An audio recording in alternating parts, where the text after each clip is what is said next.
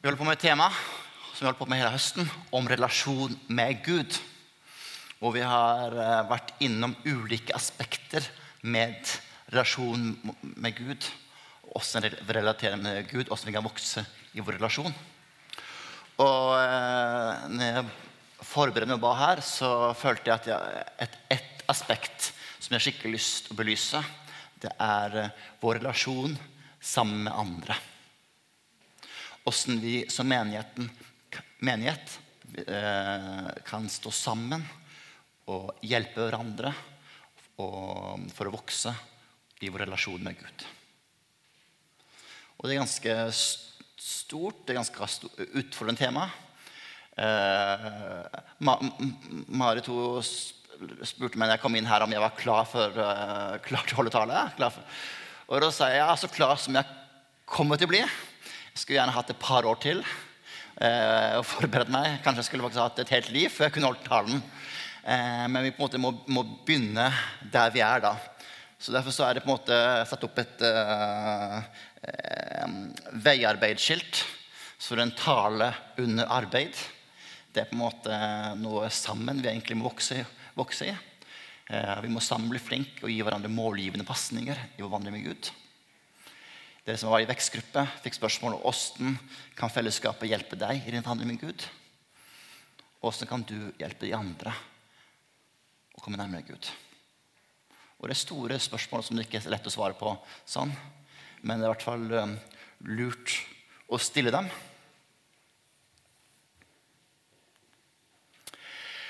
Paulus ber for, eh, menighetene, eh, for menigheten eh, i Efeserbrevet. Der ber han at må dere sammen med alle de hellige bli i stand til å fatte bredden, lengden, høyden, dybden.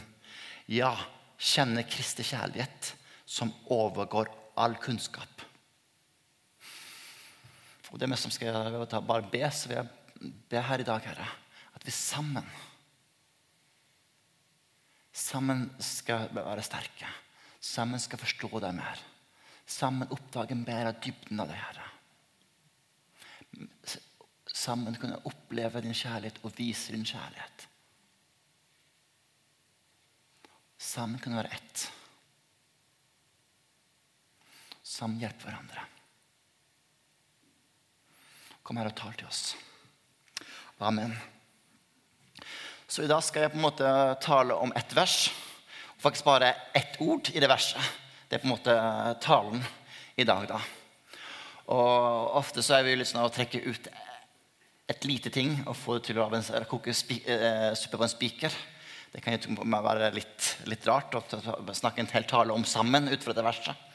Men hele Efeserbrevet handler egentlig mye om sammen. I begynnelsen handler det om at vi er sammen i i han, i Kristus.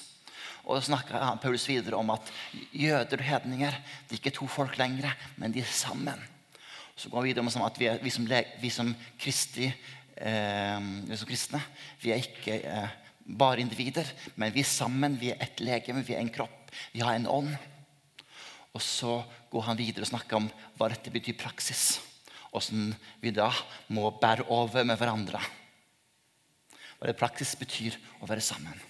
Så sammen er faktisk et tema som går gjennom hele brevet. Og faktisk mye av evangeliet handler, og det handler egentlig om livet sammen. Så det er et veldig sentralt tema, med et veldig utfordrende tema. Og jeg merker sjøl jeg er veldig individualistisk, og jeg er veldig um, har veldig sånn her sikkerhetssyn. Og, ikke, og, og, relasjoner og smalltalks er ikke min gode side. Så det ut, utfordrer meg sjøl å tale om et sånt tema. Men jeg tror det, jeg, jeg har godt av det.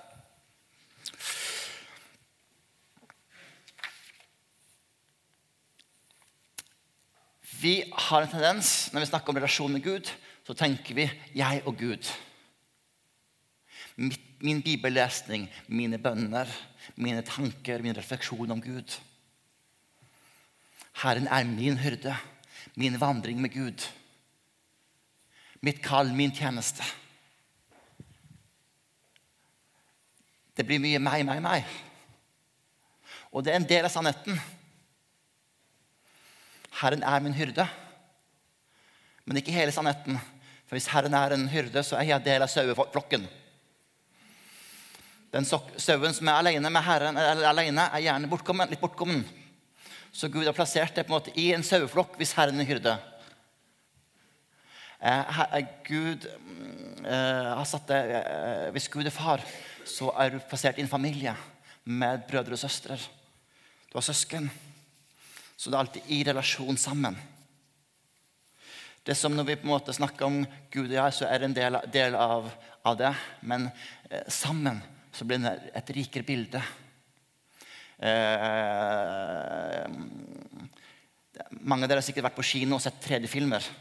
Og Hvis du ser en 3D-film med, vanlige øyne, så ser du ganske rart ut. Du får én dimensjon. Men så får du disse rare brillene du tar på deg. ikke sant? Og alle ser veldig rart rundt deg. Og da plutselig så får du en ny dimensjon. Og jeg tror den vandringen med Gud den er ment å få en helt ny dimensjon når vi gjør det sammen. Når vi eh, går, går, sammen. Og hvis vi ser menneskeheten de siste 4000 år, 2000 år, så har veldig mye vært sammen. Folk har vokst opp i små samfunn, de har vokst opp i tette familiebånd, de har hatt en tilhørighet der. Det har vært en vidtenkning. Men eh, siste par hundre år, og det bare blir mer og mer fortere, fortere, så lever vi i en mer og mer individualistisk tankegang. Det er ikke vi lenger, det er jeg.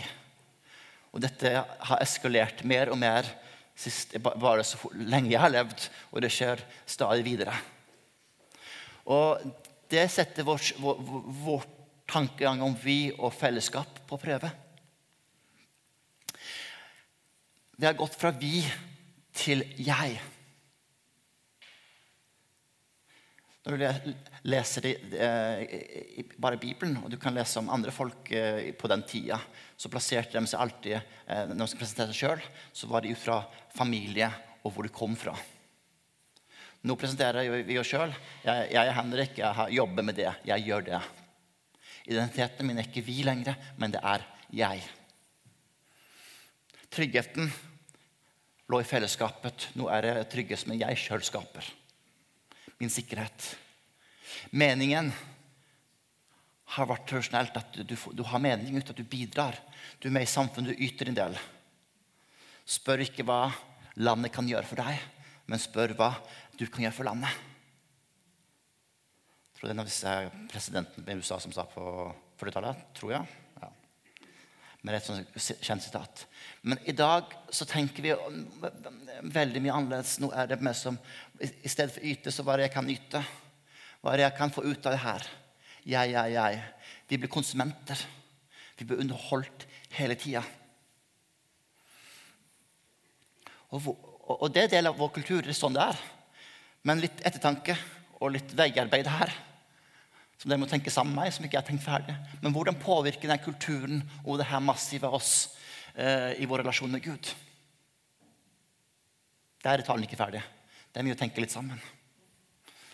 For alt det her, den, den forandring i kultur, påvirker vår, gjør at vi har andre briller. Vi ser eh, Bibelen annerledes, vi ser relasjonen eh, med Gud annerledes, vi ser relasjonen til våre medsøsken annerledes. Så hvordan preger denne individualistiske kulturen? Og det, med, det, stopper ikke opp her. Det er på en måte en, det en økning. Det blir bare mer og mer. mer enda mer tekniske uh, nyvinninger. Vi får Aftenposten Junior. Så det er veldig gøy å lese litt sammen med ungene. Og ja, vi leser den også. Eh, første side her nå nettopp var at jeg eh, hadde gjort undersøkelse i en ungdomsskoleklasse. Og da fant jeg ut at de eh, så på skjerm syv timer daglig. Det er mer enn når vi som vokste opp. Jeg begynner å føle meg gammel når jeg leser det. Dette er ikke vitenskap, men det er på en måte å gi et pekepinn at den individualistiske tanken måte, og teknologien tar det ett skritt videre. Så hvordan, hvordan eh, påvirker ny teknikk våre relasjoner med hverandre og vår, vår relasjon til Gud? Jeg vet ikke. Jeg er underveis også, men jeg tenker at dette får radikale eh, konsekvenser. hvordan, hva vi tenker menighet, og hvordan vi når ut til mennesker. For, ikke, for dette er som del av oss. Og jeg er ikke... Eh, syv timer eh, Jeg sitter på jobben da, og jobb, jobber, men det er jo på en måte jobb da, kontor og sånt. Da, men syv, jeg er ikke der med det syv timer ennå på, på, på, mobilen. Men jeg kjenner tendensene. Jeg kjenner narkotikumet. Jeg kjenner dragningen. Er det fem, fem minutter ledig, så er det så vanvittig lett å ta opp. Så hvordan påvirker ny teknologi våre relasjoner? Bare for å gi noen eksempler i våre kristne praksiser.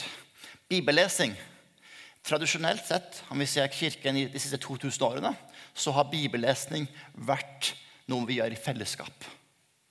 Av den enkle grunn at eh, de første 1500 år av, av kirkens historie eller kanskje de første 1700-1800 år, så var det veldig få bibler. Boktrykkerprosessen kom i 1500-tallet, så før det var det veldig få. Men de neste hundre år var Bibelen veldig dyr og veldig få også. Så når vi skulle lese Bibelen, så ble det gjort høyt. Det ble gjort i fellesskap, og det var noe samlende. Nå har vi jo alle hver sin bibel. Og vi har bibel på, um, på mobilen. Og vi har apper som gir oss med mannakorn i, um, i hytt og pine. Så vi kan få det, så vi slipper egentlig å tenke så mye sjøl. Eller be om å få et ord. Mobilen ordner det. Og Gir det ti år, så vet mobilen åssen du føler deg og sånt, og du, stemningen din. Så kan det gi deg et bibelord, et bibelord som passer rett inn i din uh, sinnsstemning. vet du. Eh, men, men, vi har på en måte lagd bibellesing. Det, det er kjempebra at vi har hver enkelt bibel. Men det skjer noe med oss og fellesskap når det blir tatt fra å være primært felles til individuelt. Forsynelse. Før så måtte du komme på møte for å få forsynelse. Nå har du masse kristne bøker. Du har, eh, jeg vokste opp med talekassetter, og så ble det tale-CD-er, og nå er det podcaster. Og nå er det eh, YouTube og alt mulig. Så du kan jo få vanvittig mye bedre taler av å sitte hjemme enn å komme her. Vi er jo lekfolk stort sett som taler her. Du kan få enda bedre taler. Enda mer spesialtilpassa ditt eh, interessefelt og din stemning. og sånt. Og da kan du få høre akkurat hva du vil høre.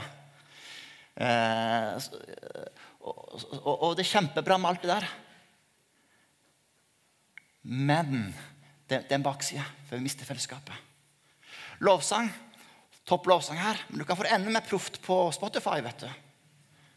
Eh, møter og samlinger. Vi trenger ikke møtes, for vi har TV-møter. TV, du kan få eh, alt etter all smak. Så klart, all denne utviklingen går fra vi til jeg. Og vi får masse ekstra, men samtidig så mister vi noe i det.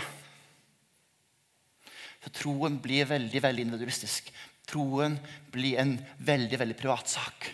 Min tro. Og jeg kan skreddersy lovsangen og undervisningen og alt etter hva jeg føler passer best for meg. Så vi tjener noen ting, men vi mister noe også.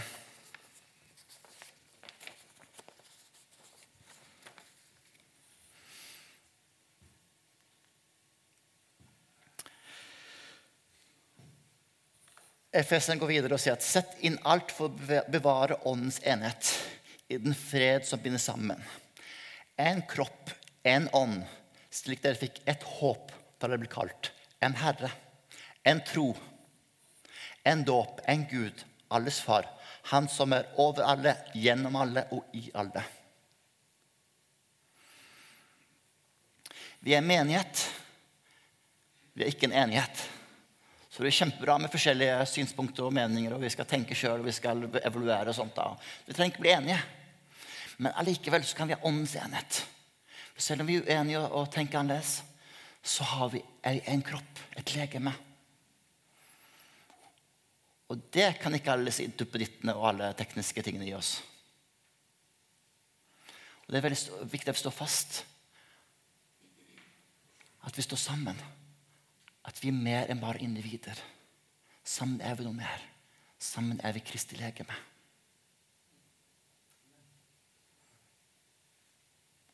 Og det er på godt og vondt. Paulus snakker mye om å bære over med hverandre. For å bruke, bruke illustrasjonen med når vi er sammen med saueflokken. så lukter det litt sau. Det, litt, det, blir litt dritt og, og, og bæsj på disse grønne engene når vi er sammen. altså. Gud har på en måte valgt at vi skal være sammen med folk som er på vei også. Som er ufullkomne. Det skal være deilig å være bare med Gud og englene i himmelen og alt er forkommen. Men han har plassert oss sammen i familie med folk som eh, det, det, det, det lukter litt menneske. Vi, er, vi kommer med, med våre uh, svakheter sammen. Derfor så er på en måte menighet både det beste og kanskje av og til kan det også bli det mest eh, verste. Så kan, du, du, har både den sida, men, men, vi møtes også mye av svakhet. Paulus snakker veldig mye om, om, å bære over med hverandre i kjærlighet. For kjærlighet tåler alt. Vi er en familie. I en familie så kan det, det, være ganske mye Vi har søskenkjærlighet, og det kan være ganske tøffe diskusjoner av og til. og ganske hett rundt middagsbordet. Men vi er familie likevel. Ikke enige om alt, men vi er glad i hverandre, for det er en blodspakt der. Blodsbånd. Og det er også hos oss. Vi er, vi er et legeme, vi er en familie.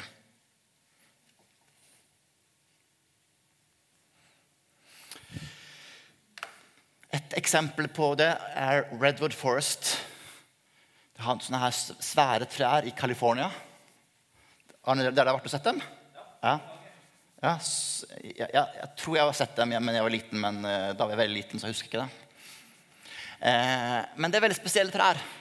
For det er trær som uh, kan bli uh, opp mot 100 meter høye. Og bare for å illustrere Det der er et menneske.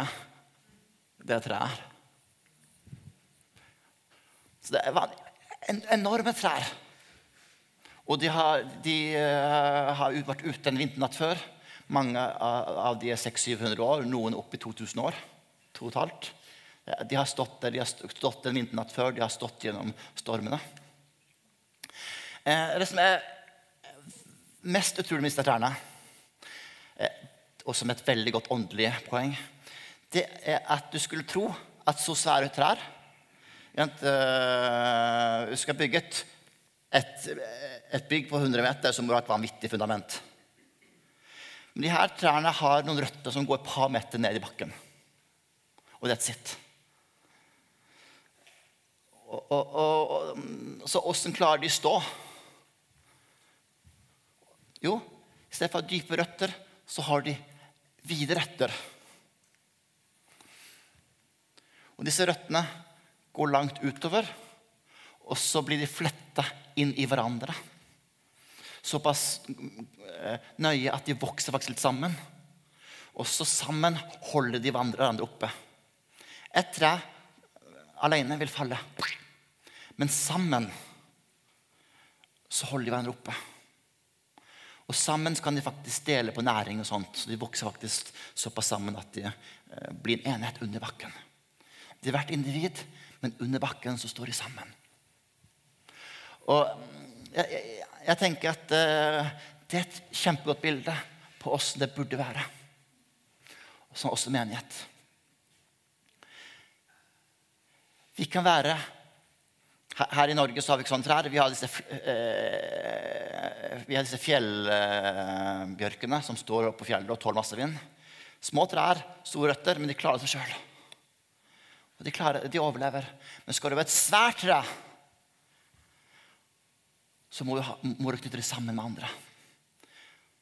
Så må de holde deg oppe, og så må du holde de andre oppe. Så sammen så er du sterke.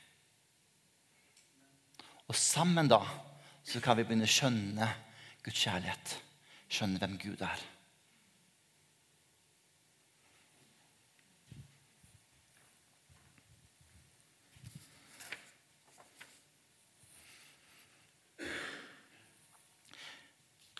må komme inn på trekanten.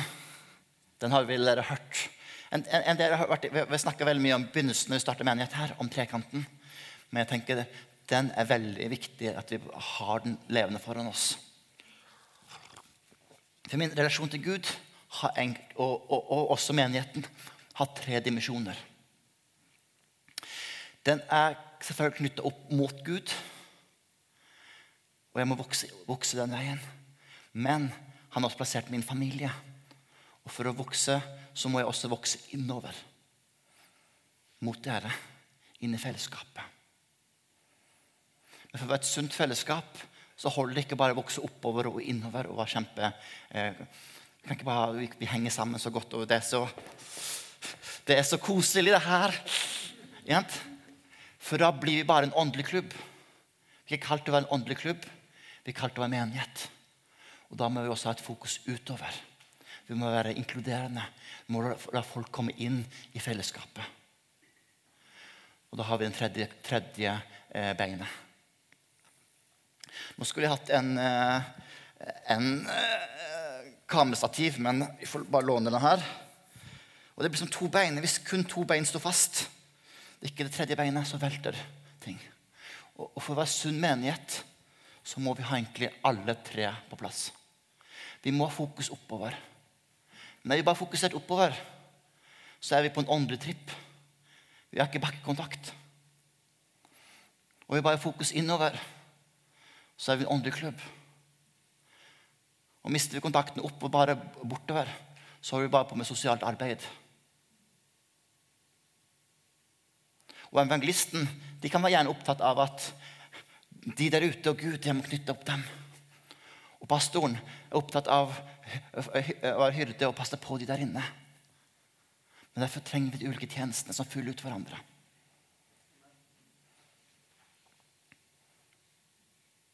Sammen så er vi trekanten.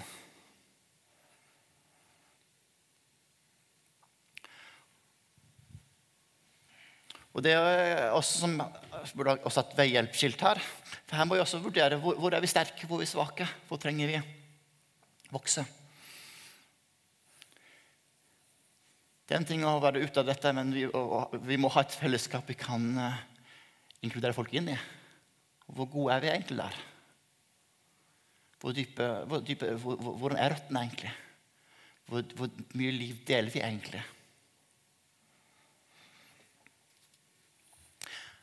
Apostelen Gjerninger 2 setter på en måte opp en sånn her litt høy standard, men setter opp på en måte litt hvordan den første menigheten fungerte. De holdt seg trofast til apostelens lære og fellesskapet, til brødsbrytelsen og bønnene. Hver og en begrepet av ærefrykt, og mange under og tegn ble gjort av apostlene. Det høres gøy ut. Sånn menighet vil jeg være del av. Men så kommer prisen. Alle troende holdt sammen og hadde alt felles. De solgte eiendommene sine og det de ellers eide, og delte ut til alle etter som hver enkelt trengte det. Nå tror jeg at dette var en veldig spesiell situasjon. Så jeg tror ikke anvendelsen at vi skal gå rett ut og selge allting og, dele. Det skal være veldig bra for kollekten, men det er ikke det som tror jeg er poenget. Men poenget var at de var villige å gi avkall på noe. De var villige å prioritere. De var villige å, å, å, å så noe for å høste. Og jeg tror et av tingene som hindrer menighet generelt, men jeg tror også vi, vi har samme sliter, det er at vi, vi er så busy. Vi som ledere er busy. Vi, vi, vi, vi fyller opp allting hele tida. Og det er nesten litt sånn sosial status å være opptatt. Tone, jeg tror du nevnte også det på og, og, og, og, for å komme videre så er vi nødt til å ha noen prioriteringer. Vi på en måte må selge vår tid hvis vi skal ha relasjoner. Relasjoner kommer ikke av seg sjøl.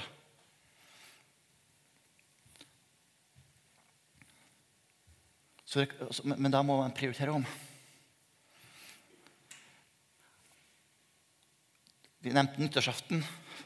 Eh, men for å kunne ha nyttårsfest her som mange vil gå på, så må noen prioritere og si at ok, jeg vil selge min tid, jeg vil på en måte bruke min tid på det. Bare for å ta et eksempel. Eh, så, så, så eh, for å komme videre, komme dypere, så er det også en pris. Alle bønder som sår nei, som, som, jobber som bønder, de vil ha vekst, de vil ha kunne høste, de vil ha masse korn inn i låven.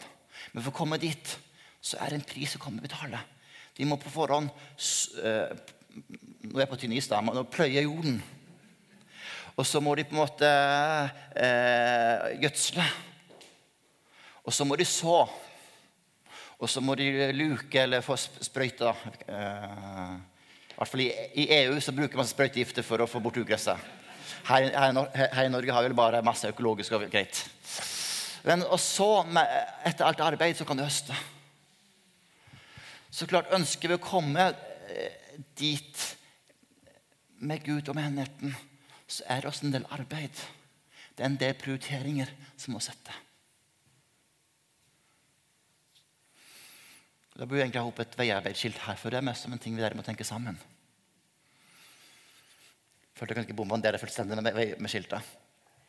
Hver dag holdt de trofast sammen på tempelplassen og i hjemmene brøt de brødet og spiste sammen med oppriktig glede. Jeg kunne oversatt at Hver dag holdt de trofast sammen i hagesalen, og hjemmen hadde de middag sammen eh, med oppriktig glede. De sang og lovpriste Gud og var godt likt av hele folket. Og hver dag la, her, la Herren til nye som lot seg frelse. Så det handler om å faktisk komme der at vi tør å dele liv. Vi tør å engasjere oss. Vi må by litt på oss sjøl. Vi må på en måte investere i den trekanten innover. Vi må ikke bli innadretta. De vil også inkludere utover. Folk kommer til hele tida. Så innover, utover, oppover.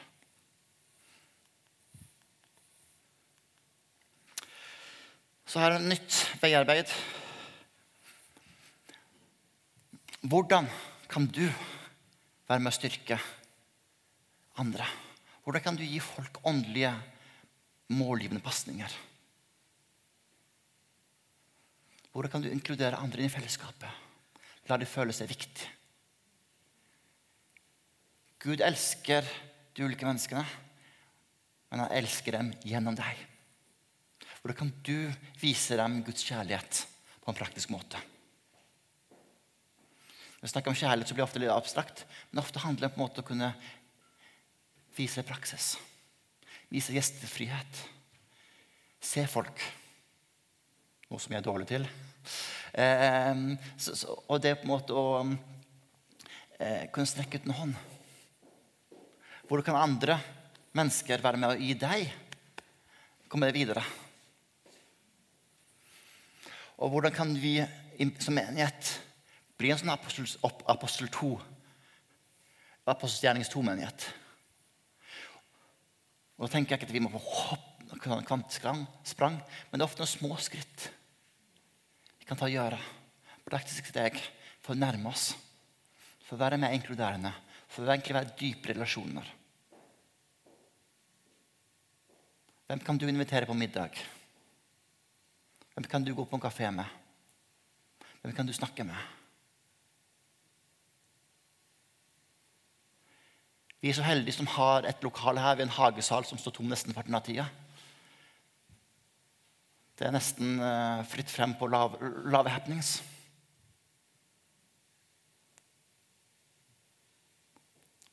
Men det, men det er en pris at vi må ofre vår business. Vi lever i uh, Jeg er midt i småbarnsfamilien og fasen, og du, du jobber og du kjører unger, og du er med som busy hele tida. Men, men skal vi virkelig være en sånn menighet, så må man ta prioriteringer.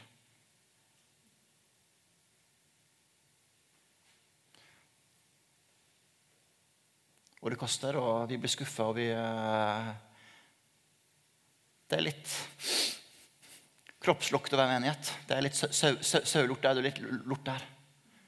Men så gjelder det at vi da er overbærer med hverandre. Vi strekker oss langt for hverandre. Ingen menighet er perfekt, og hvis den er perfekt, så hold det langt unna, for, for da ødelegger du det perfekte. vet du. Så, så, så, vi er på vei, alle sammen. Men vi vandrer med Gud, og vi vandrer med hverandre. Og sammen Sammen så er vi gode. Og sammen skal vi se et forandra Mandal. Sammen skal vi gi folk gode målgivende pasninger. Og sammen så skal vi gi de som ikke har familie, en familie. For sammen er vi verdens håp. Amen.